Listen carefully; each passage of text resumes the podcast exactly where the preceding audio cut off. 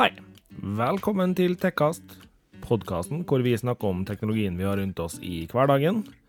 Mitt navn er Martin. Martin er fyren som eh, greide å overtale meg til å være med i podden her. Nå blir han ikke kvitt meg, og det blir ikke dere heller. Det der var Thea. Hun som fikk meg inn på tanken på å lage podden, og som eh, etter litt overtaling blei med på å spille inn eh, ganske mange episoder. Ja. Ja! Det var det du hadde kommet med. Ja! ja men Idet du sa introen, så glemte jeg hva jeg skulle si. Jeg bare, åh, Hva var det jeg ville si i dag, da? Thea, du bruker altså å mobbe meg for at jeg av og til drar opp introen som eh, Jo, men du sier det samme hver gang, og jeg sier litt forskjellig hver gang. Jeg prøver å gjøre dem av og til, da. Ja, av og til. Ja. Av og til. Hei, Martin, forresten. Ja, Thea. Hei, alle sammen som hører på. Episode ti. Forhåpentligvis så har vi litt nye lyttere. Ja, jeg håper det, for Ja. vi har jo gjort noe ganske kjekt, vi, Martin. Ja, vi har vært på et lite besøk. Yes. Vi eh, bruker jo å slå noen slag for ting som skjer eh, lokalt i den podden her nå. Ja, vi gjør det. Og eh, lørdagen som var, altså ikke for dem som hører på, da, da blir det blir feil. Nei, da blir det to lørdager siden. Ja, da blir det to lørdager siden. Da var vi innom eh, Molde Minicon. Som dere kanskje så på Facebook og Instagram, fordi vi sendte litt direkte og Ja. sånn. Og vi var jo så heldige at vi fikk jo lov å ta en eh, kjapp prat med dem som eh, sto bak Molde Minicon. Ja. Og vi hadde også en prat med et par av de andre som hjalp til der. Mm. Vi hadde også en prat med leder av spillklubben i Molde. Ja. Så, og så kommer det Det kommer noen intervju litt seinere i sendinga. Eh, forhåpentligvis er ikke lyden altfor ille på dem. Eh, det å ta opp lyd i et lokale med ganske mye folk i, og ikke akkurat innstilt på å ta opp lyd eh, Eller lokalene er ikke akkurat bygd for å ta opp lyd i. Nei. Det gjør at det blir litt spennende å ta opp.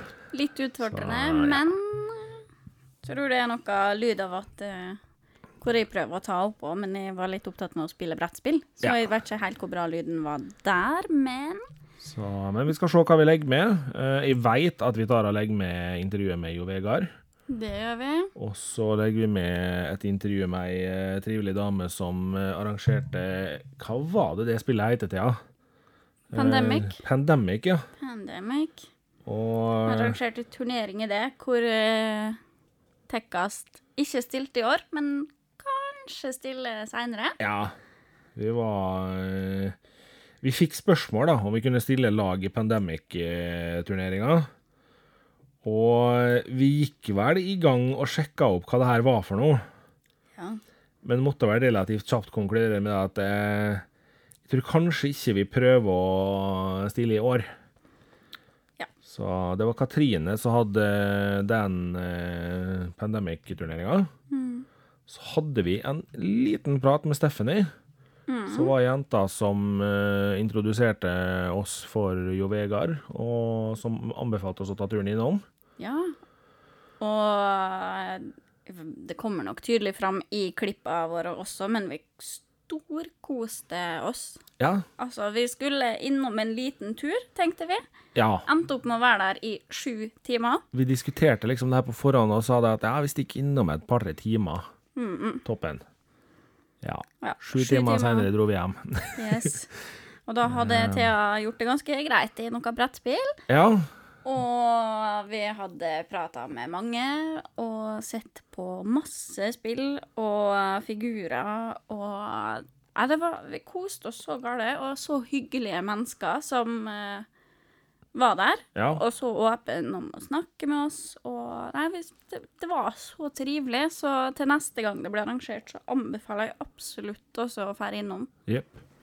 Uh, jeg må jo si det at eh, det aller første som slo meg når jeg kom inn der, det er hvor utrolig imponert jeg var over at jeg har ikke peiling på hva 90% av brettspillet her var for noe engang. Det var så mye brettspill jeg aldri har vært borti før. Ja, vi sto jo og så på det der brettspillbordet, hvor de var litt sånn Ja, det her er jo bare litt rann av det vi har tatt med oss. Kori og Martin bare Ja, vi kjenner til to av spillene hver, da. Eller ett spill hver. Ja. på bordet. Så jeg kjente til Firefly, og du kjente til Exploding Kittens. Ja. Ja. Så Ropte jeg tydeligvis inn i mikrofonen. Ropte du inn i mikrofonen? Ja, det er fint, det. Excited. Det var katt, vet du. Ja, ja, ja. Så Nei, det var altså utrolig mye spill jeg aldri har hørt om før. Uh, må ærlig innrømme det at jeg hadde jo ikke engang fått med meg Pandemic før. Eh, det veit jeg at broren min kjenner til, for vi spurte jo han litt sånn i full fart på melding. Ja, for Eh, han er jo en brettspillentusiast. Ja, han liker brettspill. Eh, og det gjennom broren min jeg også har vært borti det ene som lå på bordet der, som var Firefly-spillet. Eh, det er jo nesten litt rart ikke jeg har det spillet sjøl, med tanke på hvor glad jeg er i Firefly. Men eh, Nei, det var altså utrolig artig. Eh, det var ett spill der eh, som vi bare vi, vi, vi må bare ta det med. Eh, det heter Forbidden Fortress. Ja. Og Det er lenge siden jeg har vært så forvirra, altså. Ja. eh, jeg føler jo liksom det at både jeg og du er oppegående mennesker med relativt grei forståelse for de fleste tingene vi møter på. Men det spillet Jeg var helt fullstendig blank. Jeg var så forvirra. Og vi sitter og ser på dem som spiller det, og de spiller, og liksom det går kjempefort, og de kaster Plutselig kaster de tre terninger, plutselig kaster de seks terninger. Og de Gamemaster sitter liksom og sier hva alt betyr, og de sitter og bygger ut brettet og greier. Og så spør Martin litt sånn forsiktig sånn Ja, har du holdt på med det spillet lenge?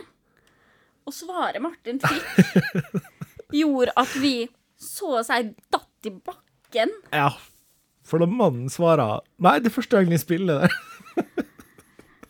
Han hadde spilt det sånn halvveis en gang før, Ja. og så ler han litt og bare Men det her er jo enkelt. Og vi bare What?! Han hadde spilt westernversjonen av samme spillet. Det hadde han visst spilt før, da. Ja. Men eh, nei, det var første gang han spilte denne varianten av spillet, og det var ganske annerledes enn westernversjonen, visstnok. Og vi blei jo nødt til å spørre, så vi var litt sånn her eh, Unnskyld, men er det vi som er treige, eller er det her avansert? Eh, hvor en annen da i Molde spillklubb sa det at eh, ja, det er vel det er vel blant de mer avanserte spillene. Og da svarer gamemasteren som satt og spilte, at eh, nei, nei, det her er et ganske greit et. Og så tenker jeg, hvis det der er et greit et i sjangeren, da skal ikke jeg spille denne sjangeren. Ja, Det var insane, altså. Og det var så stort. Det var et Ja, kjempestort var- spill. De brukte jo to sånne store firemannsspor. Ja. Nå satt jo jeg og så på ganske lenge, så jeg må vel ærlig innrømme det at underveis så begynte ting liksom å dette litt på plass. Men ikke slik at jeg hadde greid å sitte og spille det der i en hel omgang og visst hva jeg skulle gjøre, altså. Nei, altså, jeg var Jeg ga opp det og gikk og så på Pandemic-turnering. Ja. Hvor jeg da fulgte et lag som hadde vært med Det var første gangen han ene var med. Mhm. Og han andre hadde vært med en gang i fjor. Det var far og sønn, mener jeg på. OK. Eh, og de var såpass uh, skjønne da, mens jeg satt med sammen med dem og så på at de forklarte meg litt underveis. uh, hvorfor de gjorde ting, og hva ting var, og sånn, og var veldig ivrig på å fortelle og forklare spillet. da. Så det, og da fikk jeg jo litt sånn Det her ser ut som et kjempekult spill. Det vil jeg ha. Jeg sjek sjekka jo Altså, når jeg er sånn laga, hvis ikke folk har fått det med seg fra før, da, så er jeg sånn laga at hvis jeg ser ting jeg syns er kult, så må jeg i hvert fall sjekke hva det koster. Ja. Uh, Pandemic var ikke så innmari dyrt. Det kunne du få tak i til under 500-lappen. Eh, problemet er at det er utsolgt på alle plasser som har det. Yep. Så du kunne få tak i en sånn her 10 year anniversary medisinkoffertutgave som kosta 1000 kroner.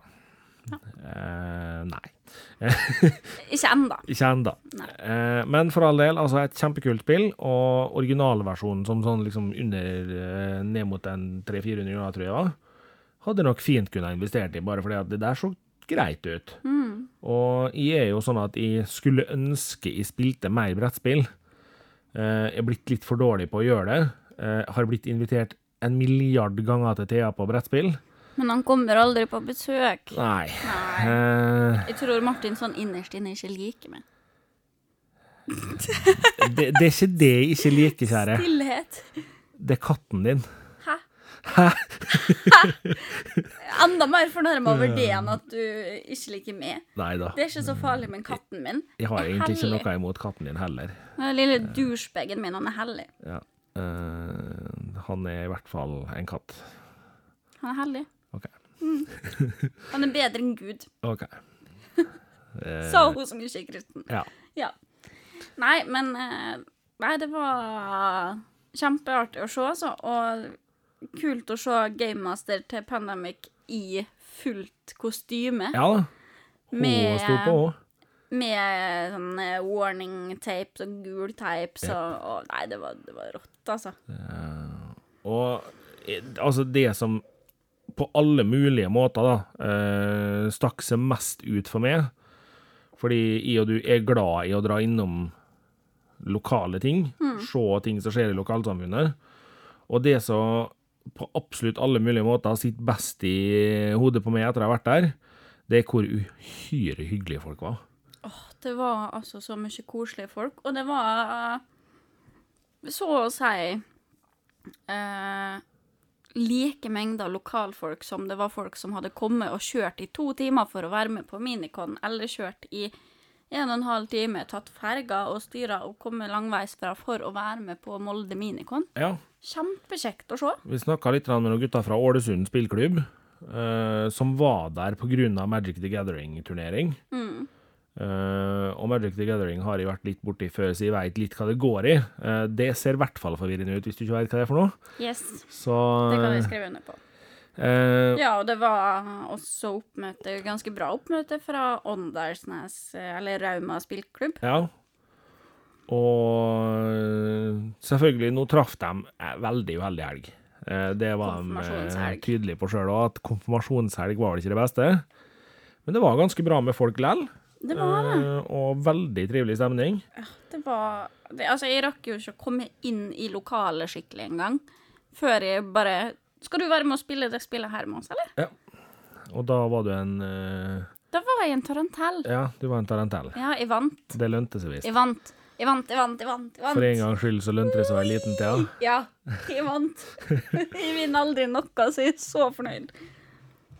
Det, men så var jo uh, Idet vi kommer inn i det rommet her, så var det jo ganske mange bord med folk som satt og spilte. Og litt langt bak i rommet så sto det totalt fire bord satt sammen til to. Med noe enorme figurer på. Yes. Dere har kanskje sett bilder av dem på våre sosiale medier. Ja, eh, den, eh, vi skal legge ut et bilde på Facebooken vår. Thea ba meg om å gjøre det på tirsdag, jeg glemte det. Eh, Ja, fordi har en, det er en bug på Instagram, så de vil ikke poste fra Instagram til vår Facebook. De vil kun poste fra Instagram til min private Facebook. Ja, vært borti den, ja. Ja, og det går Altså, det er så mye arbeid å få det til å synke opp igjen sånn som det skal, og akkurat nå så får jeg det faktisk ikke til i det hele tatt. Nei, for etter de siste oppdateringene på Facebook og Insta, Ja, så er det der blitt ordentlig Det er skikkelig, skikkelig bug, så jeg håper det kommer en ny oppdatering snart, sånn at det her skal bli enkelt. Fordi at jeg fikk en melding hvor det var litt sånn Hvorfor har du sagt at, du skal, at dere skal legge ut bilde av Warhammer-figurene i livestreamen deres på Facebook, og så må jeg til Instagram for å finne en? Ja. Og da måtte jeg bare beklage og si det at eh, jeg får det faktisk ikke skikkelig til nå, og jeg hadde ikke originalbildet som var lagt ut på Instagram i min, eh, på min telefon, Nei. så jeg fikk ikke lagt ut. Så note to self, der må vi bli flinkere på å legge alt i mappa mapper som vi har i lag på eh, Google Disk, Ja. så begge har det. Eh, Ja. Men ja, nei, det er altså et helt gedigent bord fullt i Warhammer-figurer. Og det var rett og slett i mine øyne helt sprøtt. Eh, ikke fordi at jeg er noe Warhammer-fantast, men fordi jeg har bygd litt tinger som må bygges før, og innser hvor inn i hampen mange timer som lå bak det bordet der. timer og penger og Ja. Eh, vi skal ikke nevne priser på hele det bordet der nå, men eh, vi kan røpe det at det var relativt greie summer. Yes, For, dette var en eh, lidenskap. Ja. Eh, det var en svær figur der til over ti laken alene, som eh, var 50-60 cm høy, som det kommer bilde av. En gul sak som kommer Han, på vår. han ligger på Insta. Ja. Han kommer på Face. Og bare den, altså når dere ser det bildet der, så tenk over at den der er 50-60 cm høy, og kom flatpakka. Mhm. Det er relativt drøyt. Og så imponerende samling, og så ned i små detaljer, pirke fint, og så perfeksjonistutført. Ja, Kjempeimponert. Og det var helt tydelig at han som eide den samlinga, var veldig stolt av den. Og Ja. det har han all grunn til å være, for jeg eller er ikke noe sånn Warhammer eh, kjenner eller fanatiker, men det så jo bare så sinnssykt tøft ut. Ja. Og det er sånn, altså det her er, altså du bygger sammen de greiene her. Det her er, det her er plastbiter som er, det kommer flatt, så du må klippe løs fra et brett. Og så bygger du det her etterpå. Du må file vekk eh, små tapper og sånne Du ting. Du bygger og maler og og lime sammen. Og bare der, så Han hadde brukt eh, relativt mange tuber med linlim. Ja. Eh, og det skjønte jeg når jeg begynte å se på hvor mange deler det totalt sett var, ja. Ja, og i hvert fall Altså, tenk bare de små figurene består Ja. av ganske mange deler. Så Og så har han bygd sånne kjempestore Og på den svære så hadde han jo brukt noen magneter for at det skulle gå an å demontere den litt og sånt. Ja, han var jo var bevegelig og greier. Jeg kjente jo, fikk jo jeg, når han begynte å bevege på den. Jeg bare Tenk, ikke ødelegg den her nå. Nei, det Og når vi drev og tok bilder av bordet, så hadde vi jo lyst på litt kule bilder og litt sånn nærbilder og sånn, og det var Da var nerver ute og gå, altså, Ja. for å ikke ødelegge noe på det bordet. Og jeg sa jo litt sånn forsiktig til nå at jeg jeg skal selvfølgelig være veldig forsiktig. Han bare ja, men det går bra, altså. Ja, ja. Så, Det- så rolig, og bare kikk på Uh... Og borte på det andre bordet, det, jeg skal ikke påstå at jeg huska hva det var slags spill som sto der, men det var noe romskipgreier. Mm. Uh, etter jeg forsto, så var det litt mindre bygging på det, men eh, fortsatt veldig imponerende. Og, Absolutt. Og dem, øh, der fikk folk komme og spille med tingene han hadde bygd. Ja, Og det også var veldig og fikk Veldig forklaring på det spillet som var med de skipa, og det, og det var, nei, det var veldig stilig. Det, så jeg tror nok vi nok en gang må konkludere med at eh, lokalt var et eh, veldig bra valg. Finne på noe eh, i en by som folk påstår at det skjer for det lite i. Så, men jeg tenker sånn uh, Jeg veit at mange uh, er der at uh, de tenker sånn Minikon, nei, det, det drar vi ikke på for brettspill. Det er ikke noe vi, vi gidder å fokusere på. Men før du har vært der og sett hva det går på, så ikke døm det. Uh, verken I eller Thea er noe brettspillfantaster, men eh, vi blei der i sju timer. Ja. Det var Bare stemninga og hvor innmari trivelig folk var der, og hvor imøtekommende folk var der, yep. var verdt det i seg sjøl. Det var altså så hyggelig. Og jeg var jo litt spent på, sånn for min egen del, fordi at eh, det er jo en teknologipodkast vi driver, og jeg tenkte jo det at det skal bli spennende å se hvor mye teknologi det er. Og så var det liksom sånn no, det, det her var ikke folka som satte seg ned og spilte Monopol.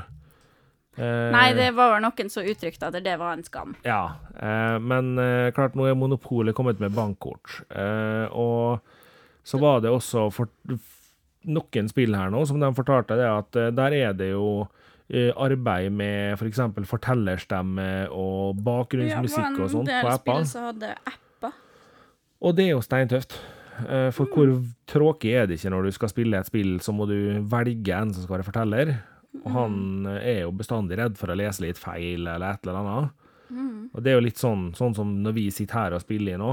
Eh, Vi har et lite manus. Mm, Ja, manuset vårt er mer for å ha ei retningslinje på hvordan vi skal På hvor lang tid vi bruker på ting og sånt.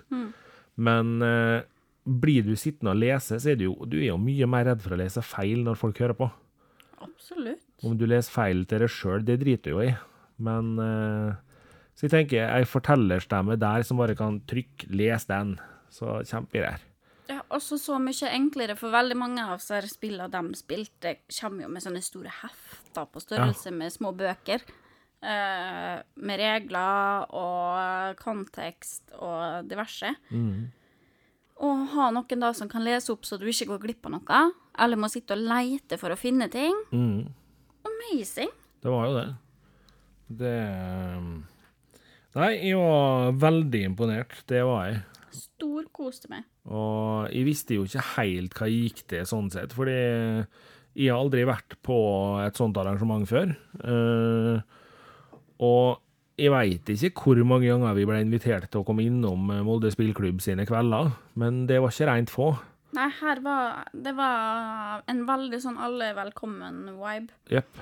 Og det- kom og spill med oss, bli med, vi har lyst til å ha dere med, vi må henge. Altså bare så Nei, det, det var noe helt spesielt med den, spesielt med den gruppa mennesker som var der, altså, Det var som var, gjorde at til og med jeg som kan bli veldig sliten i store folkemengder og Ja, få mye angst og sånn, altså eh, Var så komfortabel. Det var bare det, det var så greit. Jeg må jo ærlig innrømme det at når vi drog dit, så var jo jeg litt nervøs for hvordan det skulle bli for det den dagen der, på grunn av at jeg visste jo at du av og til blir litt sliten av folk og store mengder med ting. Og jeg var veldig spent på, liksom, for jeg visste jo at i fjor var det 90 stykker der eller noe sånt.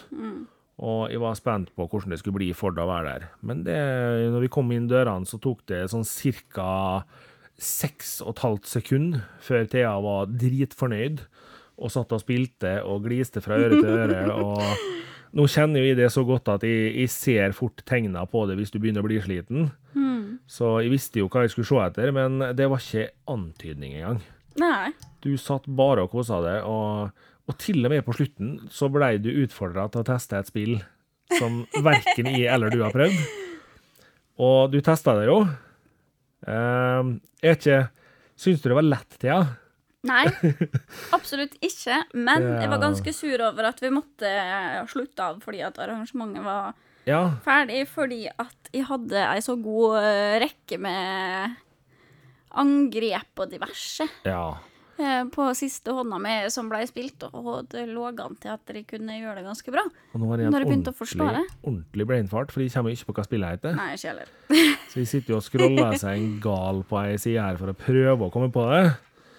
Så, men eh, Nei, det var altså Nei, Det var altså bare så kjekt. Det var utrolig artig. Det var rett og slett uh, hele greia. Det var et kortspill du spilte til, ja? Ja, for det var, det var en litt forenkla versjon av Magic the Gathering-ish. Ja. eh, sånn at du ikke trengte å bygge din egen kortstokk og, ja. og så videre. Og jeg burde huske det her, fordi at eh, jeg har en bror som har spurt meg mange ganger om jeg vil bare bli med og prøve. Men hodet er jo helt på ferie. Same. Uh, ja, nei, jeg hadde faktisk ikke noe bilde av det heller. Det var jo Det, det var dårlig eh, Det var dårlig planlagt. sjekking av eh, fra min side her. Var altfor inn i det spillet til å få med meg hva jeg faktisk spilte. Ja. Det er jo litt kjedelig. Men jeg er helt sikker på at noen fra Molde spillklubb kan legge ut en liten kommentar om hva det var. Det tror jeg nok kommer. For det Det var nok folk som kunne det, i hvert fall. Det var det. Ta så Skravle litt til mens jeg prøver å finne ut av det her. Skal vi skravle litt? Rann? Ja, Nei, det får ikke til. Jeg liker jo ikke å prate i det hele tatt. gjør du vel. Nei, men eh, det blir jo nå, da, etter den lille, lille, i hermetegn, eh, segmenten her, eh, segmentet, spilt av lydklippene vi har fra arrangementet. Så vi håper at kvaliteten er god nok til at dere syns at de er kjekke å høre på. For intervjuene var veldig gode, og folk var såpass imøtekommende, jeg vet ikke hvor mange ganger vi har sagt det nå, eh, at eh, intervjuene ble kjempekjekke.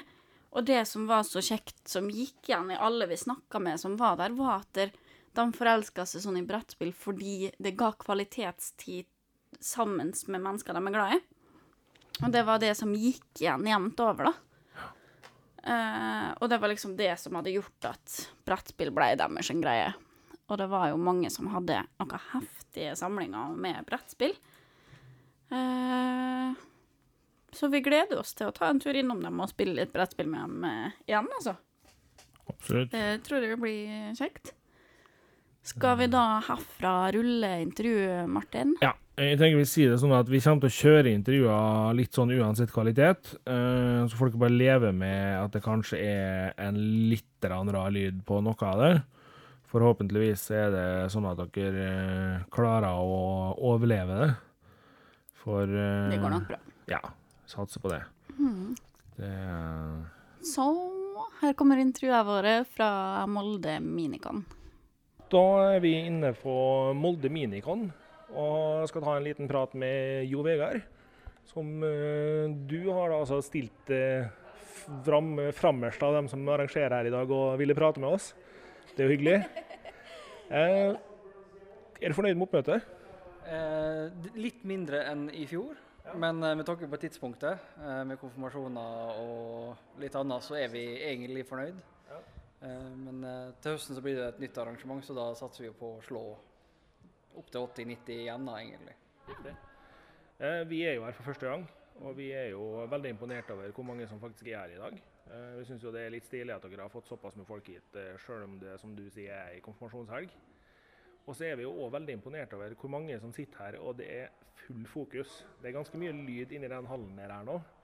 Og de greier likevel å fokusere på det de faktisk driver med. Ja, jeg, jeg tror ikke så mange enser bråker rundt dem. Det, det er bordet rett foran som er noe. Det, resten er borte. Ja, det er litt stilig det der. Eh, og så satt vi også og diskuterte litt IATA. Eh, Nå i spillbransjen så er det jo eh, veldig stor eh, innvikling i teknologien. Eh, vi ser jo også det her nede nå, at det, det begynner jo å bli litt spill som har apper og sånne ting. Og Magic the Gathering som foregår på to bord her nede, der er det jo life counters og sånne ting som er på tablets og sånt noe. Puristene går vel fortsatt for terningene. Men eh, ser dere veldig stort innblikk av teknologi i spillverdenen nå? Ja, eh, det har jo begynt smått. eh, men vi merker jo at en del av barnesykdommene begynner så, å forsvinne. Du nevnte jo monopol med kortleser. Det er, jo, det er jo en litt sånn eh, ting vi ikke merker, men det er jo gjerne folk som har apps med bakgrunnsmusikk, eh, som tar en del av bokføringa, kanskje. Mm. Eh, noen har detektivhistorier, og da er det jo skjult informasjon, så da forteller han jo det akkurat det du trenger. Før så leste du i ei bok, og da er det jo fort gjort å lese ting du ikke skal, men nå så får du det. Eh, pluss de gir gjerne bakgrunnsmusikk eller andre ting som gjør det spennende. Ja, eller forklarer regler. Så det er jo alt mellom himmel og jord. Så en merker jo at folk Alle har jo en mobil. Ja. Så det å faktisk gi deg en liten app hvor du bare søker opp og laster ned, om det er bedriftene sjøl eller fans som lager det, det, det merkes egentlig lite til. Men eh, det er jo en det er jo bare å søke på brettspillet ditt, så finner du sikkert en app ja. som hjelper deg. Alt har en app nå. Ja, alt har en app. Alt har en app. Men dere snakka om det at eh, totalt i spillklubben som arrangerer det her, så er dere eh, nå rundt 80 medlemmer, hva du sa? Ja. eh, medlemstallet vårt i fjor var 86, mener jeg. Mm. Eh, men akkurat nå så er det jo sånn 30, for vi har jo kun ett års medlemskap. Men vi satser jo på å være oppe i 80 igjen i løpet av året, etter hvert som vi har arrangement som folk stiller på og møter på. Riktig. Hvor ofte møtes dere? Eh, det er to ganger i uka. Eh, hver tirsdag så er det rollespill, og så hver torsdag så er det brettspill. Og så nå og da så er det jo da større arrangement som dette, eh, helst to ganger i året. Og så har vi gjerne turnering for miniatyrfolket to ganger i året, det òg. Ja. Det er jo masse som skjer, da. Det, er jo, det skjer jo egentlig noe hele tida for dere. Ganske ofte. Ja. Nå sto jeg og prøvde å følge litt med på den miniatyrsaken i stad, og jeg følte vel kanskje at jeg skjønte veldig mye mindre enn jeg burde. Men eh, er det veldig greit for nye å komme inn og lære seg spillene dere sitter og spiller? Eh, Det varierer jo. Um, miniatyrspill har jo på en måte prøvd å strømlinjeforme seg. Det var jo veldig innvikla, kan man si, da, og gjerne litt sånn du sitter en hel kveld til å prøve å si at vi skal være ferdig på en time nå. Eh, med litt enklere regler og mindre tabeller, og kanskje spesialmarkører på terningene i stedet for tabeller. Og, så det, det har blitt mye lettere å lære folk å spille spill. Men selvfølgelig, hvis du har lyst til å sitte ti timer, så finnes det spill som lar deg gjøre det òg. Ja, eh, jeg har testa Firefly. Det ryker noen timer i begynnelsen der. Eh, Men hva spill liker du best? Jeg, jeg liker egentlig en grei miks. For min del er det alltid artig med noe nytt. Eh, jeg kan like alltid fra Twilight Imperium, som er kjent for å være en sånn stor, episk sci-fi-saga, og det tar 10-12 timer. Da trenger du pauser, Ja. og du blir litt sånn amper og sur etter hvert. Samtidig så kan jeg like et spill hvor du sitter fem minutter, og da er du ferdig. Riktig. Men Og- eh, nei, eh, spill som innebærer kanskje litt mer sånn sosiale ting, f.eks. lyging eller bløffing. Eh, eller historiefortelling, hvor du skal prøve å gå gjennom en historie sammen med venner. Det syns jeg kan være de artigste, egentlig. Riktig. Nå har jo vi, som vi nevnte i forrige episode, så har jo vi liksom vært litt nysgjerrige på den der med hvor mye teknologi som kom inn. Og vi har jo sett litt resultat, og hørt noe fra det litt resultat av det. Tror du dette her er noe som bare kommer til å eskalere? Ja, ut ifra hvordan bransjen ser det nå, så eskalerer det. Delvis er det for at du dytter prisene på ting ned. Eh, samtidig så begynner du å på en måte kunne gi altså DLC, downloadable content, til brettspill. eh, hvor det er mulig. Og mye av det er jo som bare quality of life-forbedringer. Ja. Og Da er jo spørsmålet vil puristene være fornøyd med det. Du vil aldri gjøre alle fornøyd. Nei, det er akkurat det. Eh, men det er flest. altså, det- kommer jo an på hva tar du vekk, og hva gir du noe ekstra som ikke fysiske komponenter greier å gi. Mm. Personlig så er jeg veldig glad i å kaste terningene. Jeg har ikke lyst på en app som kaster terningene. Nei. Det er jo litt stasen og sjarmen med brettspill òg, da. Ja. Gjerne, syns jeg. At det er litt mer sosialt enn å sitte og se ned i en skjerm alltid. Ja. Og så er det jo veldig spennende å se når det er at du har ei såpass brei samling av mennesker som vi har her nede, så er det allikevel et utrolig behagelig tempo og behagelig stemning. Det er ingen som er uenig med hverandre høylytt og grinete på ting. Ikke minst veldig inkluderende miljø, da. Vi har ikke så vidt gått inn døra, så ble jeg invitert til brettspill. Ja. Og det er jo kjempekjekt. Jeg ser ikke for meg at det er like rolig bestandig, for jeg vet at det kan bli litt krangling underveis i enkelte spill. Litt bordflipping og sånn, kanskje. Ja, jeg, jeg tvungen av bord til å unngå det. Uh, nei, altså Noen kan bli litt sånn surmuren hvis han taper. Jeg kan bli litt, men det går fort over. og Det, det, er, aldri, det er aldri sur stemning. Det er mer sånn, det er mer Og jeg tapte, og det, det, var, det var kjipt, og så prøv igjen. Riktig. Eh, vår kjære Thea er jo veldig fornøyd, for hun har jo spilt eh, et brettspill her, og, eller et eh, spill, heter det. Ikke brettspill i alt, men et kortspill, og vant. Så hun var veldig fornøyd. Allerede så posta det på Insta. vet du. Jeg regner med du har skrevet det på Insta. Jeg måtte jo det. Det, Jeg er sånn fornøyd. Eh, det er Pandemic-turnering litt senere i dag. Har du noen tanker om eh, noen som kommer til å stikke seg fram? Uh, nei, vi var jo egentlig litt uheldige, for at vi fikk ikke konkurransepakka vi skulle ha, så vi må kjøre den samme på nytt igjen. Uh, men Pandemic er jo på en måte et spill som er for alle. Du kan sitte med familien og sitte og spille det med mor og far. Eh, samtidig så har vi gamers som er veldig ihugga og liker å lære seg system og sånn, og de liker fortsatt Pandemic. Riktig. Det har nok dybde, samtidig som at det er en veldig lett terskel å komme over for å begynne å spille. Så hvem som vinner, det vet jeg ikke. I fjor så var det to brødre på 15, tror jeg 15-16. Og det var jo, tror jeg var veldig stas for en del av dem i klubben som så vidt tapte. Det var visst en seier å komme på andre- og tredjeplass. Riktig. Uh, nei, jeg har nå fingeren på et par stykker hvis de stiller, men uh, Ja. Kanskje vi fra Tekkast stiller Martin? Vi har fått spørsmål om det der. Ja, et par ganger. Det kan bli, vi, må- vi må ta en liten diskusjon over det der over middagen, men det kan hende det kunne vært interessant prøvd. Det, eh, du får ha tusen takk for at vi fikk lov å komme hit og ta en prat med deg. ja, tusen takk for at dere kom. Da har vi eh, stjålet til sides nok en person på Molde Minicon. Denne gangen her så har vi tatt til sides eh, Stephanie, som introduserte meg for at eh, Minicon var den datoen her. Hei, Stephanie.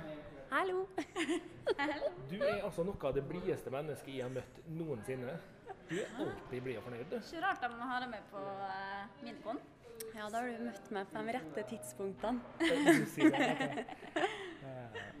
Og så har du en samboer som er veldig glad i å spille brettspill. Ja, hun som elsker har smitta det med interessen. Mm. Og engasjementet ditt for brettspill er jo til å ta og føle på. Ja, det er, ganske, det er ganske artig å holde på med. Ja, Men har det alltid vært sånn, eller kom det med samboer, skulle si? Nei, jeg søkte jo meg på skole her eh, i Molde. Og så hadde han sittet på YouTube en gang, husker jeg, med en kar som hadde Han drev og snakka om noe spill, og så hadde han bak seg hadde han en hylle fullt av spill. Ja. Så sa han litt sånn Jeg fikk egentlig ikke helt med meg hva han snakka om. Og så plutselig kom han hjem med et spill som heter for eh, Splendor. Okay. Og det kan man få tak i på bokhandelen f.eks. Mm. Ganske sånn basic, da. Ja. Og så prøvde vi nå det, da. Det var skikkelig koselig. I hvert fall, for par og familie og sånt òg. Ja, ja. da var det faktisk Da hadde vi sittet fire timer uten å se på TV, uten å se på telefon. Bare oss, ja. Bare kosen og det sosiale samværet. Ja. Så koselig. Det er det som er kjekt med brettspill, at man faktisk fokuserer på de menneskene man er sammen med, og ikke ned, Ja, Helt ned i skjermen. Mm. Så hadde vi eh, en liten sånn sak som vi lurte på med Jo Vegard, jeg pratet om han i stad. Ja. Eh, For teknologien har jo også knøp, det krøpet seg litt inn i spillet her nå også. Mm. Og hva syns dem som er ordentlig glad i brettspill om det, egentlig? Jeg tenker jo at det blir mer sånn Ja, Nå har vi jo spill hvor vi har apper som Ja. er bakgrunnsmusikk på. Ja, riktig. eh, sånne ting, da. Jeg tenker så lenge kanskje brettet får lov til å være med, så må du ha appen i tillegg, kanskje. Ja. At det kan kanskje være jeg vet ikke, kanskje det kan være litt mer miljøvennlig òg, Mm. på sikt. Men for meg så er jo brettspill det å koble ut av telefonen litt. Men egentlig så syns jeg det er også artig, for vi har jo prøvd et spill der du må ha appen. Mm. Men vi fortsatt vi er sammen, vi. Selv om vi bruker applikasjonene, da. Mm. Ja. Nei, jeg syns egentlig det er ganske bra. Det tillegg. Ja. måte. Tar ikke vekk fra det samme. Nei, gjør det kanskje litt mer spennende. Ja. Ja. Og så Jo Vegard hadde jo veldig gode innspill med det at eh, du får en fortellerstemme som leser det som tidligere det måtte være en Ja. person til å spille. Ja, det var, ikke, det var egentlig ganske Det er jo veldig greit, ja. kanskje. Ja, faktisk. Slipper man å lese feil og sånn òg. Jo, så blir det liksom spennende. Ja. Ja, Så slipper man å på en måte Kanskje noen syns det er ekkelt å lese opp på. Så kan det være noen andre som gjør det for deg. Ja. Mm. Men eh, skal du delta på noe her i dag? Jeg tenkte jo egentlig det, da, men så ble det ikke så at jeg fikk gjort det i dag. Men i forrige minikon så var vi med på Pandemic-turneringa. Okay. Så kanskje jeg hiver med meg, da. Ja. Vi får se. Nå har vi hekka oss på et spørsmål om vi vil stille lag, da. Ja, det Ganske det jo mange ganger, faktisk. Ja. Det er jo så artig. Dere skulle ha gjort det. Adrian og Martin kan jo sikkert lære dere pandemic-reglene ganske kjapt. Eh, Nå skal vi ned og spise, så vi får ta en liten kjapp diskusjon på det mens vi spiser. Ja, ta en liten sånn eh, Er vi klare Jeg har en følelse av at Thea egentlig har bestemt seg. Du vil? Du må jo være med. Vi må jo være med, Martin. Ja, Enig. du er enig, ja. Men du Stephanie, du, er, når du sier det at du blir så engasjert i brettspill Ja. eh, Du har jo måttet hatt et forhold til brettspill før du begynte å se på det her, eller er det bare Monopol og Ludo du har spilt før? Ja, før så var det kort. Vriotter og alt det, det der. ordentlig kjipe som Ja. alltid ville spille? Ja. Og ludo. Men jeg føler at jeg er litt heldig pga. at samboeren min ser jo på alle de der YouTube-tutorialsen Ja, ja, og lærer seg reglene. Og så kommer han hjem, og så forklarer han det til meg. Ja. Så um, det krever litt å på en måte sette seg inn i det, men når du først har gjort det Og det er jo genialt med, med appene og sånt. da. De kan lære deg kanskje reglene. For det er litt slitsomt å drive og lese i regelboka. For Ja, meg så er det det. ja. Ja. Jeg har jo verdens dårligste konsentrasjon, så jeg klarer ikke å sitte og lese Nei. så tjukke hefter, og så glemmer jeg hva jeg leser. Riktig. Og mamma de spiller kun Uno. Og det er jo det artigste på jord til dem. Mm. Så Nei, Vi hadde jo en diskusjon på det her i stad. Vi var veldig imponert fordi det er veldig få her eh, som sitter og leser regelhefter Ja. i det store og det hele. ja. Og når de bytter spill tre-fire ganger og fortsatt Mm. ikke leser regelheftet, da blir jeg litt satt ut. ja det, er, nei, også, det er YouTube som er tingen, tror jeg. Ja. De har sine faste eh, brettspillfolk, skulle jeg si, Jo, jo. som forklarer reglene. Og vi gjør egentlig ikke så mye annet enn av og til enn å sitte og se YouTube-reglene. Det er jo så godt å få det forklart av noen òg, og Ja. ikke måtte sitte og finne ut av det. Ja. Nei, jeg var, etter Splendor så prøvde vi et spill til. Jo, Pandemic. Mm. Åh, nå husker jeg jo ingen navn. Men det var mye sånn startspill. Og så prøvde vi noe som het Agricola, og så likte jeg det mer og mer. Ja, Jeg elsker at vi fikk bare de timene sammen. ja. Ja. Og der har vi jo en veldig stor del av den tekniske biten er jo YouTube. Riktig. Fordi det blir jo bare mer og mer utbruk på det stilen her nå. Mm. Uh, Magic the Gathering har jo utallige timer med forklaringer på YouTube. Så jeg tror ikke vi kommer til å se mangel på teknologi i den forstand. Nei, det er genialt. Ja. Men da får du tusen takk for praten, Stephanie. Ja, takk for praten. Så får du gå tilbake og selge kort i kiosken. Ja, det skal jeg gjøre.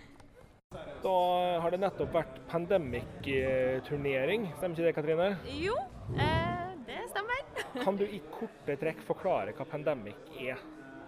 Eh, Pandemic er et spill eh, der en gruppe, en gruppe med spillere jobber imot fire eh, ondsinna sykdommer på et brett der eh, etter hvert som eh, spillet går og man jobber mot de her sykdommene, så eh, velger en eh, kortstokk å være ondskapsfull og spre de her sykdommene med høyere og høyere fart.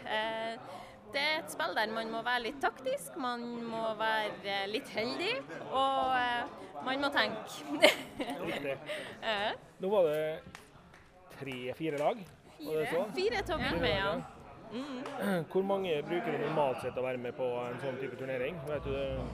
Nå er det her andre gangen vi kjører ei sånn her turnering, bare. Eh, og sist vi hadde den, så var vi seks lag som var med. Ja. Eh, så det, det var litt færre denne gangen, men jeg velger også å tro at eh, neste gang så får vi enda flere. For det virker som folk liker det her. Ja, Og Jo Vegard sa jo det i stad, at det var litt uheldig med helga, siden det er konfirmasjonshelg og alt sånt. Så sant. Ja, forrige gang så hadde vi en, hadde vi en ordentlig fin opplevelse med, med denne turneringa. Da det var to eh, unge gutter som bare torsdagen før turneringa spilla spillet for første gang. Eh, og så endte de opp med å vinne, og vant hvert sitt spill. Eh, de, her, de her guttene har jeg snakka med i ettertid, og de endte opp med å kjøpe seg alle Pandemic-spillene som er kommet, og er blitt skikkelig hekta. Vi har hatt dem flere kvelder i lag med oss på klubbkvelder, og det, ja, det sprer seg. Ja, det ser jo veldig artig ut. Det er jo, vi er jo truende til å stille med lag vi nå neste gang. ja, Thea Ja, det var veldig gira på at du skulle prøve i dag, men så fikk vi litt ut- kort tid. Ja, fant ut at vi kanskje må sette oss litt inn i det først. Ja, kanskje litt. Men jeg syns jo det ser veldig gøy ut. I hvert fall prøve det først. Ja. Ikke sant? Men da tenker jeg at dere er hjertelig velkommen en torsdag i lag med oss og prøve vanlig pandemi. Ja, det Og så neste gang vi kjører turnering, så må dere virkelig bare komme og stille opp. Det stiller tror jeg blir bra. Ja. Hvor lenge har du holdt på med brettspill sjøl? Jeg har holdt på i litt over ett og et halvt år. Eh, Det er litt over et år siden jeg var på et sånn her minikon eh, for første gang. Skulle bare innom en, eh, en snartur. Vi skulle på, skulle på McDonald's og kjøpe is etterpå, hadde vi avtalt. Når vi var ferdige her, så var McDonald's stengt, og alle bordene var rydda på plass. Sånn at det, det var, det var en instant hook med brettspill for, eh, for meg. Det var storforelska. Og nå eh, i løpet av de årene så har samlinga vår, eller det er litt over ett år, så har samlinga vår gått ifra to-tre sånn type fantasi og, og sånne ting til at vi nå har eh, over 50 brettspill hjemme i, i samlinga. Riktig. Har du da noe favoritt? Å, Det er tunge spørsmål, spørsmål. vet du. Eh, Ja, det er det. Jeg har en favoritttype spill. Det har jeg. Og det er eh, denne pandemic-typen spill, der eh, spillere jobber imot spillet i lag, der man jobber som et lag. Eh, jeg syns det er det artigste. Da får man oppleve seieren i lag. Eh, om man har gode, dårlige vinnere, gode, dårlige tapere, er ikke så nøye, for man er et lag. Og den, det der å få til den seieren i lag, det er fantastisk artig. Så eh, ikke ett typisk spill, men eh, spill etter situasjonen. Det, det finnes et spill til enhver situasjon. Men er det da fordi at du liker å spille på lag fordi du er sabla dårlig taper sjøl? Eller er det bare generelt fordi at du syns det er gøy å vinne i lag? Eh, nei, jeg, jeg, om jeg er så dårlig taper, men jeg taper bestandig. Okay. Går det an å si det? Og det høres kjent ut. Du høres kjent ut. Veldig glad i spill, men taper alltid. Åh, det er de der spillene der man skal sitte og se noen i øynene over bordet, og så skal man legge frem et kort som du vet at nå ødelegger alle sjansene deres for å vinne. Da velger jeg å ta det andre kortet som gjør at jeg får ei litt dårligere hånd. Og det, det, det fører jo bestandig til at jeg taper. og da er det mye artigere med de her samarbeidsspillene. Riktig. Da får du ha tusen takk for praten. Sjøl takk. Det var utrolig koselig at dere kom. Jo, det var veldig hyggelig at vi fikk lov å komme og være her sammen med dere. Ja, vi har jo storkost oss, vi. Så bra. Absolutt. Og da kan vi vel eh, skli rolig over i neste tema, Thea. Ja. Til dere som irriterer dere at vi ikke kom på hva spillet Thea spilte heit i forrige bit, forresten, så beklager det. Eh, Det er rett og slett bare brainfart i dag. Det er lov. Så det ble ikke med. Men eh, Martin, du hadde jo lyst til å prate litt om sommertekst som kommer snikende på markedet nå. Ja, Ja. For nå eh, kommer vi jo inn mot ei årstid som gjør at eh, det er ganske mye teknologi som dukker opp i nye variasjoner, kan vi si. Og jeg vet ikke om vi skal si alt er bedre. Nei, Eh, altså jeg tror vi kan si det sånn at eh, det er vel noe her som eh, i hvert fall i mine ører er litt smør på flesk, altså. Ja. Det er nok det. Uh, let's talk about them frames. Ja, Uh, Bose, som er altså en relativt velkjent stereoanleggsaktør, for dem som kjenner til lyd, Ja. har lansert solbriller. Som de kaller for frames. Eh, og det her er altså solbriller du kan få i to utgaver. Den ene kalles Alto, som er ikke firkanta, men litt mer firkanta enn eh, bror, navn, eller broren her, da, som heter Rondo, som er helt runde. Og det er fabelaktig dårlig navn. Å ja, du tok den nettopp, ja. Wow! ja. Rondo, rund, wow. Så ja. Shit, pommes frites. OK, ja, greit. Eh, og det her er altså Ja, det, det er solbriller. Med, de kommer til å komme med utskiftbare glass. Og du kan få dem med og uten polarisering. Og jeg vil vel påstå at det er et relativt, eh, relativt dyrt par solbriller. Med sine 2499 kroner for et uh, sett solbriller. Ja, de er jo ikke designer engang. De har laga dem helt sjøl. De har jo ikke teama opp med noen designer. Nei, de har jo ikke det. Så eh, Og skal du ha nye glass på dem, da, så koster glassene fra 259 til 200, nei, 369 kroner. Og det kommer visst i diverse farger og utgaver, eller hva det var for noe. Ja, men det er jo litt teknologi, da, i de solbrillene Ja. her, siden det er Bose som gir ut solbriller. briller- briller. Det er vel ikke helt unormalt at Bose har med noe lyd. Skulle tro at det var det de ville med å gi ut noe. Ja, så de solbrillene her, de har altså høyttalere ved ørene dine. Ja, med en helt ekstrem batteritid. Ja, hele du, Tenk hvor deilig det blir når du kan ta på deg solbrillene dine, gå ut og nyte sommersola i tre og en halv time før du må hjem igjen og lade. Oh, yeah. Eh, ikke kjempeimponert over denne batteritida, jeg, altså. Nei, altså, jeg tenker det er mange Jeg, jeg sitter nå på utkikk etter en liten eh, GPS-brikke Ja, til min cat. er din cat. Til min cat, og der har de eh, batteritid på eh, et år og sånn. Ja. Eh, nå skjønner jeg jo at ikke et par solbriller har et års batteritid, fordi Men eh, du får til mer enn 3,5 timer Ja. på et lite batteri, altså. Så jeg tenker eh, Jabra Elitene som jeg har, de knøttsmå hodepluggene som jeg har, Mhm. har 4,5 timer til 5 timer med batteritid per plugg. Ja, ja. Og det er bedre plass til batteri, I et par solbriller. skulle tro det, altså. Ja. Så Men det er klart, altså Det er jo kanskje greit, da, sånn Skal du nå gå til og fra jobb, det er sol, så du bruker sjelden 3,5 timer på å gå til jobb. Kommer helt an på hvor langt du bor fra jobb, det. Ja, og hvor mange omveier du går. Ja, men i hvert fall eh, Poenget med så her solbrillene da, er at høyttalerne ligger i stavene du har bak øret. Ja, Så de peker Eh. rett mot øret ditt. Ja. Eh, sånn at du kan høre på musikk eller bruke handsfree til samtaler og diverse. Jeg ser helt ærlig ikke poenget. Hvorfor betale så mye for et par solbriller når de fleste har øreplugger eller hodetelefoner fra før? Men for all del, kult at de klarer å lage det, men de er jo absolutt ikke de første som gjør det. Nei, De kommer ikke til å kjøpe det. Eh, De er ikke de første, de er ikke de siste. Nei. Så jeg tror nok vi kommer til å se eh, flere varianter der.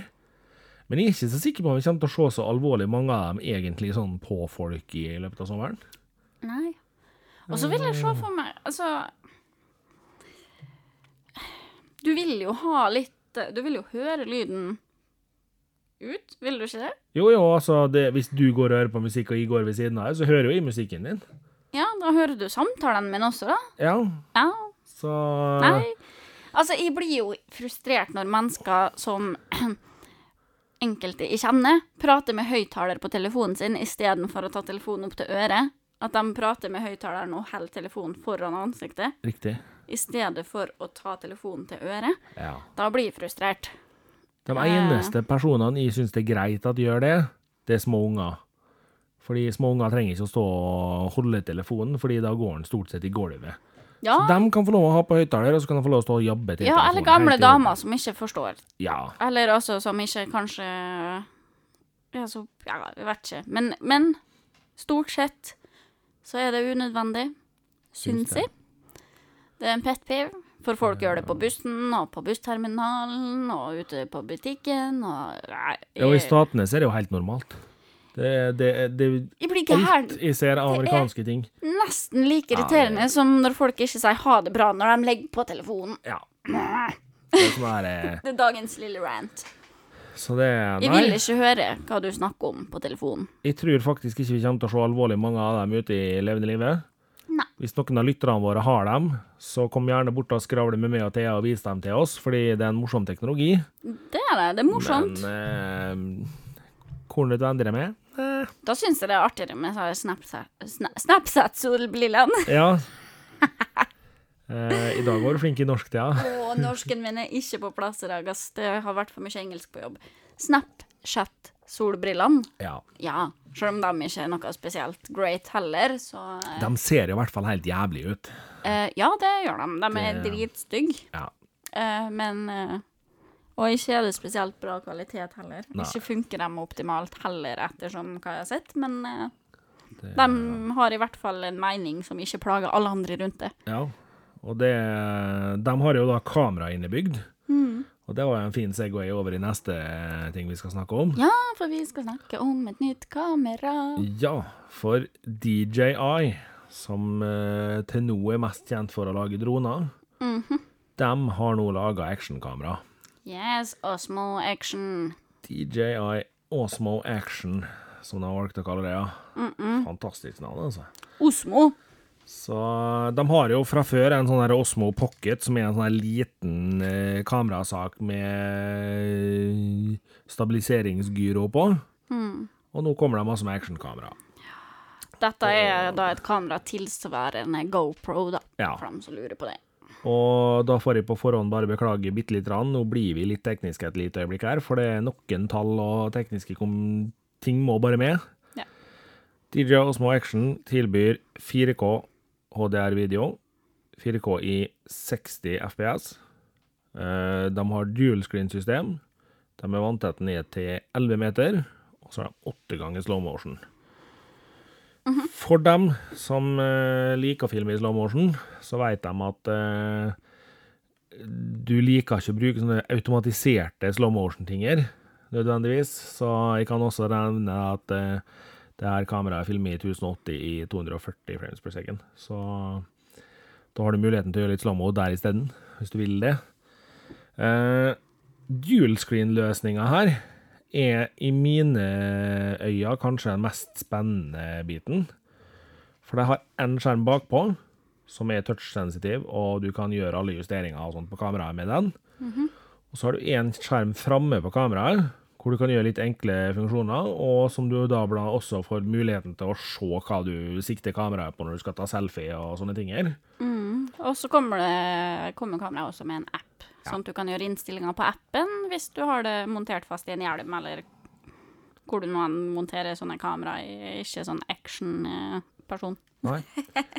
Så, og så har de også en bildestabilisering som de kaller Rocksteady. Som jeg vil påstå er et relativt eplekjekt navn på en funksjon. Ja. Eh, I hvert fall når det kommer til stabilisering. Eh, så Nei, jeg har eh, kikka litt på det. Eh, det jeg dessverre ikke har funnet ut som En av de tingene, første tingene jeg ser på, da, er om sånne actionkamera har timelapse-funksjon. Det er det i kameraet her, men jeg har ikke fått sett noe av den ennå, så jeg er veldig nysgjerrig på hvordan den er, og hvordan kameraet er totalt sett. Mm.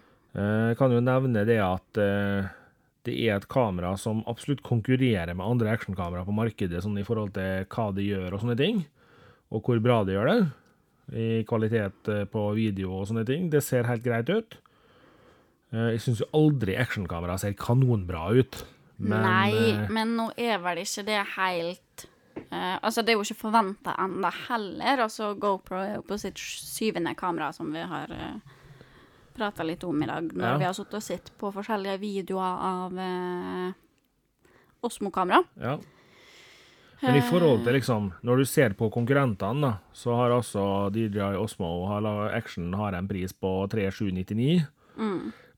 Og det er litt under hva GoPro gir. eh, rundt en hundrings under. Og Og kan jo ikke si at det var så sinnssyk forskjell. Nå satt jo Nei. vi og glana og pirka på småting som at det er litt dybdeforskjell i farge, og da den Rocksteady-funksjonen gir litt forskjell eh, der. Dog det så ut som at det kanskje var litt vanskelig med redigering av eh, Rocksteady-funksjonen for enkelte. Det har vi ikke satt oss altfor mye inn i med den ene filmen vi så, så var det ikke sånn kjempebra tok ikke sånn kjempebra på redigeringa. Det ble litt eh, rare kanter og hakking og klipping. Yep. Men eh, Og det er jo klart, det er jo eh, Vi skal ikke dømme Rocksteady-funksjonen på det. Jeg tror nok kanskje Nei. det er mer det at det er en uvant mest sannsynlig. bit, sånn sett. Eh, og jeg må vel si det at når vi satt og så på her, vi så en sammenligning mellom DJ Osmo Action og GoPro Hero Black 7. Og jeg syns ikke forskjellen var så stor i noen retning at de hadde uten tvil tatt ett av kameraene foran det andre. Nei, altså, det var GoPro var bra på noe DJI ikke var god på. mm, DJI knuste GoPro på noe, og sånn gikk det fram og tilbake. Ja, så her er det jo en preferansesak for dem som virkelig bruker sånne kamera, egentlig. Ja. Hva, hvordan system, operativsystem, foretrekker du den type ting? Og hva Altså, har du masse tinger til GoPro fra før, så kjøp nå for guds skyld GoPro igjen. Eh, Men eh, for all del morsomt at det kommer nye aktører på markedet på sånne ting. Eh, Absolutt, og de ser ut til å ha truffet ganske greit, altså, på Ja. første kameraet sitt. Det, det kommer også et dykkehus til dette kameraet her som er vanntett ned til 60 meter, sånn som GoPro har. Så Og så er det det er, det er helt OK lyd på begge kameraene, eh, som vi så testen på. Eh, men det er klart, et actionkamera er nok ikke der du forventer at det er helt rå lyd. Nei, de går jo absolutt ikke ut og sier at de er sinnssykt bra på lyd. Nei. Det gjør de ikke. Så det um, Så det er det så- som har kommet til nå. Ja, veldig artig å se DJI gå litt bort fra droner. De er jo faktisk relativt dyktige på droner. Så Og det skal jo Thea få teste snart. Nå har vi snakka litt om det, men uh, nå blir det. Uh, vi skal lade opp drona mi og kontrollen min og en telefon og sette klar eh, til at Thea skal ut og teste det her en dag. Yay. Jeg tror vi skal finne en stor, åpen plass. Ja. Kanskje vi får låne Aker stadion, jeg vet ikke. Stoler du ikke på med oss, han? Eh, Det var vel det. kanskje litt dine egne uttalelser som gjør at man blir litt nervøs. mulig, mulig. Det, Jeg har jo verdens største tålmodighetsspenn, så det kan bli interessant å se hvor fort de gir opp hvis de ikke får til skikkelig. men det som er fordelen her, er at vi har sånn babymodus, så vi skal alltids klare å få det til å synes det er litt greit. Slutt plage med. Det, nei, vi får ta med Toptech denne uka her òg, tror du ikke det, Thea? Jau, Fyrløs Martin, du har jo, Ja. har jo, en, har jo litt å prate om nå i dag. Ja. Uh, greia er det at jeg tar opp uh, I dag tar jeg opp en kanskje en litt kjedelig topptek. Men en veldig viktig en. En veldig viktig en. Uh, Handsfree til mobiltelefon. Ja. Og nå skal jeg nevne en type jeg anbefaler mot slutten av segmentet her nå, men eh, teknologien er jo veldig lik mellom forskjellige typer handsfree-er. Uh, handsfree i dag finnes jo i mange varianter. Vi har noen som er innebygd i stereoanlegget eller høyttaleren du bruker. Uh, I stereoanlegget det er jo rett og slett fordi da kan du sitte og bare prate eller raust i bilen uten å ha en telefon til øret i Bluetooth-høyttaleren, fordi at uh, har du med Bluetooth-høyttaleren på stranda, og noen ringer og sier 'hvor ligger du hen', så kan du bare svare 'jeg ligger der'. OK, fint, kjenner dit. Ikke ha noe lang personlig samtale på høyttaler, folkens, det vi snakka om. Ja, da blir jeg sur. så, uh, men uh, Og så finnes det jo også mindre varianter, som Jabra Elite-pluggene vi snakka om.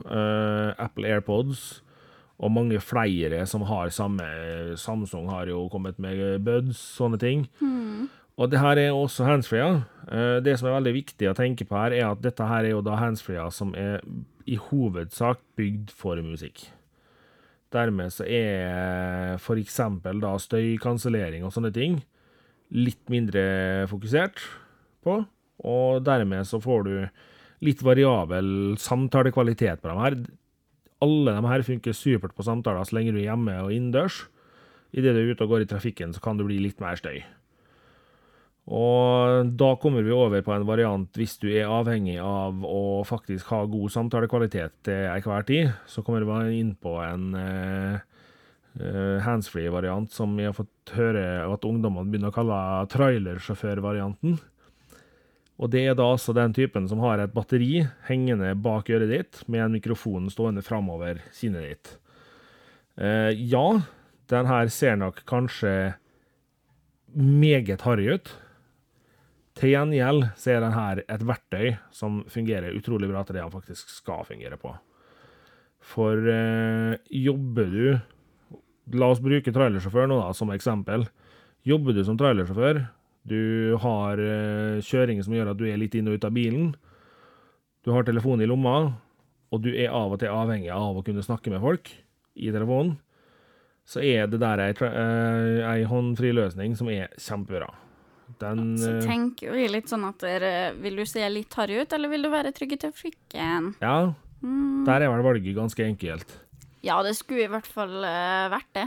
Så det, og jeg har jo, jeg kjører jo lastebil, så jeg er jo i rett kategori til å bruke den. Mm. Uh, og jeg må jo si det at uh, jeg har uh, i lang tid brukt Plantronics sine handsfreer. Mm. denne gangen her har jeg en Plantronics Voyager 5200, som det fint heter. Og det her er en veldig god handsfree, som har batteritid på seks til sju timer telefonsamtaler per lading. Og ja, denne her er litt stor når du har den hengende på deg, men samtidig så er han er lett nok til at personen som har den på seg, tenker ikke bestandig over at den henger der. Og jeg har fått mange kommentarer fra folk på at uh, er det ikke på tide å ta av seg handsfree nå, du har jo kommet hjem nå. Og jeg glemmer rett og slett at den henger der av og til. For det Når du har den på deg en hel arbeidsdag og blir vant til at den henger der, så er det litt sånn her Ja, det er noe, noe som henger der. Mm. Så men til gjengjeld så er det her en handsfree som har såpass god støykansellering at uh, jeg har stått med hodet helt ned mot lastebilmotoren som står og dundrer og går, og allikevel så har personen i andre enden hørt meg helt fint, og jeg hører personen helt fint. Mm. Og da vil jo jeg påstå at den gjør jobben sin. For uh, den skal gjøre at uh, samtaler er et lite problem å gjøre mens du må hendene fri. Og det gjør den absolutt. Så jeg vil anbefale alle sammen bli flinkere på å bruke handsfree i bil. For det er faktisk ikke lov å sitte med mobiltelefonen mens du kjører. Nei. Og det inkluderer faktisk Snapchat, folkens. Det inkluderer Snapchat. Det, det inkluderer den kjappe meldinga hjem. Mens du kjører. det, det er så utrygt, og dine handlinger kan fort gå ut over andre i trafikken. Yep. Det er ikke bare deg sjøl du setter i fare når du bruker telefonen mens du kjører bil. Så uh, ha en sånn liten sak i bakhodet nå i sommer. Uh, vær trygg i trafikken, bruk handsfree. Yes, og det her er også like så viktig for fotgjengere som turer over gangfeltet med ansiktet ned i skjermen. Ja. Ikke gjør det. Ha, vær litt oppmerksom på hva som foregår rundt deg når du er ute og går i trafikken òg. Yep. For det er ikke sikkert at uh, bilen som kommer kjørende mot gangfeltet du skal over, bruker handsfree. Og da kanskje ikke ser det, fordi de sitter på telefonen sin. Og selvfølgelig, det her er ikke bare for dem som kjører bil. Det her er også for dem som uh, har lyst til å ha begge hendene fri når de sitter på kontoret og jobber. Klart. har lyst til å ha begge hendene fri fordi at de kanskje holder på å vaske opp eller uh, henge opp klær eller et eller annet. Mm. Mye mer praktisk å bare hekte på seg handsfree og kunne prate i telefonen uten å tenke på det der. Helt klart. Det, Husk det, folkens. Uh, vi har også ei spalte som vi kaller for Vi anbefaler. Ja, for jeg har jo ingen uh, topptek i dag. For jeg, jeg sitter fast i et uendelig Sims 4-hull, som faktisk ikke kommer ut av med det første. Men Nei, det altså, jeg gjør meg absolutt jo, ingenting. tenkte jo faktisk ikke om skulle kommentere det her en dag. Da, det er fordi at uh, jeg logga på PlayStation sånn tre-fire dager på rad for å se om det var noe aktivitet på Division 2. Uh, Thea spiller The Sims. Ja. Det er, det er jeg, har, jeg har gått helt ned i et synkehull her, altså. Ja, det er, men det er så hjernedødt, så det er så godt å bare skru av hodet Ja, med Sims. Og jeg syns jo faktisk Sims er litt artig, da. Så ja, sånn er det. Men vi har litt anbefalinger, ja. og der har jeg litt anbefalinger. Jeg vil anbefale alle sammen å følge oss på Instagram og Facebook. Det er litt sjølskryt her, altså. Litt sjølskritt. Eh, VTTKS på alle plattformene. Altså vi- T-E-K-K-A-S-T. Yes, vi Og- jobber hele tida med å bli bedre i sosiale medier. Uh, går litt sakte med oss på akkurat den plattformen, men vi jobber på. Uh, fordi at vi ønsker å få et godt samfunn rundt Podkast Norge og små amatørpodkaster, så vi Sånn at vi kan åpne muligheten for at enda flere kan ha mulighet til å skape noe eget som de kan dele med flere av samme interesse. Um, fordi at, og det her har vi snakka masse, hvor viktig det er for oss at det skal være lav terskel å drive podkast i Norge også. At du skal ikke måtte være kjendis for å føle at du kan leke deg på den eh, på podkastfronten. Sant. Så eh, gjerne være litt aktiv på våre sosiale medier. Så vil jeg bare nevne at vi har en Twitter. Den er T-E-K-K-A-S-T-N-O. Bare ikke så veldig masse i bruk akkurat nå. Nei, altså det som kommer på Twitter, da, det er hver gang vi legger ut en ny pod, så kommer det på Twitter. Mm. Eh, begynner plutselig folk å følge oss på Twitter, så skal vi følge opp Twitteren. Men eh, jeg og Thea la den litt død, fordi det var eksepsjonelt få folk som brukte Twitter noe særlig for tida. Ja, det er ikke så stort i Norge akkurat nå, Nei. virker det som. Og helt til slutt skal jeg snakke enda litt mer om Norge. Vårt Ja. kjære land. Jeg anbefaler alle sammen å begynne å sette seg litt inn i kommunesammenslåinga som er på banen nå. For 9. september så er det lokalvalg i hele Norge. Og det er veldig viktig å bruke stemmeretten sin, folkens. Så eh, godt valg. Og så håper jeg at alle sammen hadde en fin 17. mai-feiring som var forrige uke. Ja. Ja. Og jeg har ei lita anbefaling, jeg òg. Uh, ei litt gammel anbefaling, egentlig, fant jeg ut her en dag. Men eh, jeg har altså ei spillanbefaling på PlayStation. Oho, mikrofonen og... min angriper meg. Ja, mikrofonen til Thea Angrip på. Det er fint. Den kommer sigende mot trynet mitt her. Jeg får ikke til å stramme den heller. der i Thea. Ja, jeg får holde den litt, da. Ja. Eh, Spillanbefalinga jeg vil komme med, er hvis du er godt lei av eh, skytespill, av eh, bilspill, av alt mulig Eller ikke har The Sims. Ja. Så vil jeg anbefale dere å ta dere en snartur inn på PlayStation Store og sjekke ut eh, to spill. Det er spillet Cube og spillet Cube 2. Så to spill i samme serie. Cube er et eldre spill som viser preg av at det er et eldre spill og et enkelt spill. Men eh, det er altså rett og slett sånn at du må tenke litt for å løse begge spillene nå, og det er utrolig stilige spill. Eh, Cube 2 var et spill jeg datt over, og tenkte oi, jøss, var det å kommet ut? Det kom ut i fjor på den tida her omtrent, så jeg har visst gått glipp av et helt år. Så det blei lasta ned, og så rauk det noen timer, altså.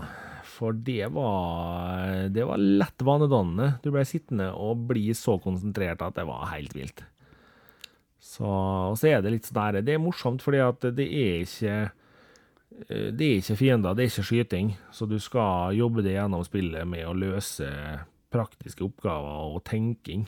Ja. Så litt grei måte å slappe av på. Litt variasjon. Ja. Ja. Uten å måtte ta livet av for mange ting i spillet hele tida. For det Det er greit å koble litt fra den der slåssinga og skytinga og brutale spillverden også. Ja. Så det Mm. Og med det så tror jeg vi takker for i dag. Ja. Vi høres igjen om 14 dager nok en gang. Ja. Men uh, vi skal ha litt musikk i dag òg, skal vi ikke det, Thea? ja, de pleier jo å komme sigende, den. Ja, så lenge Ja, det, det var spørsmålet. Er får vi det til i dag, da? Ja. Ja, Kanskje. kanskje. Det er du som står for teknologien, vet du. Ja, ja, ja. Du bruker å like å prate mot slutten her nå, så Jeg liker alltid å prate. ja. Musikken kommer sigende. Og den uh, nydelige musikken her er laga av uh, Nicky Insanity. Det er produsert av Underdog Production, lokalt uh, studio her i Molde. Yes. Teknologien er Martin, sjøl om han uh, liker å prøve å få meg med på den teknologibiten også. Sjølsagt. Yes. Jeg er bare med til er deres underholdning, Og du er fortsatt det, ja. og jeg fortsetter. Takk for i dag, folkens. Takk for i dag.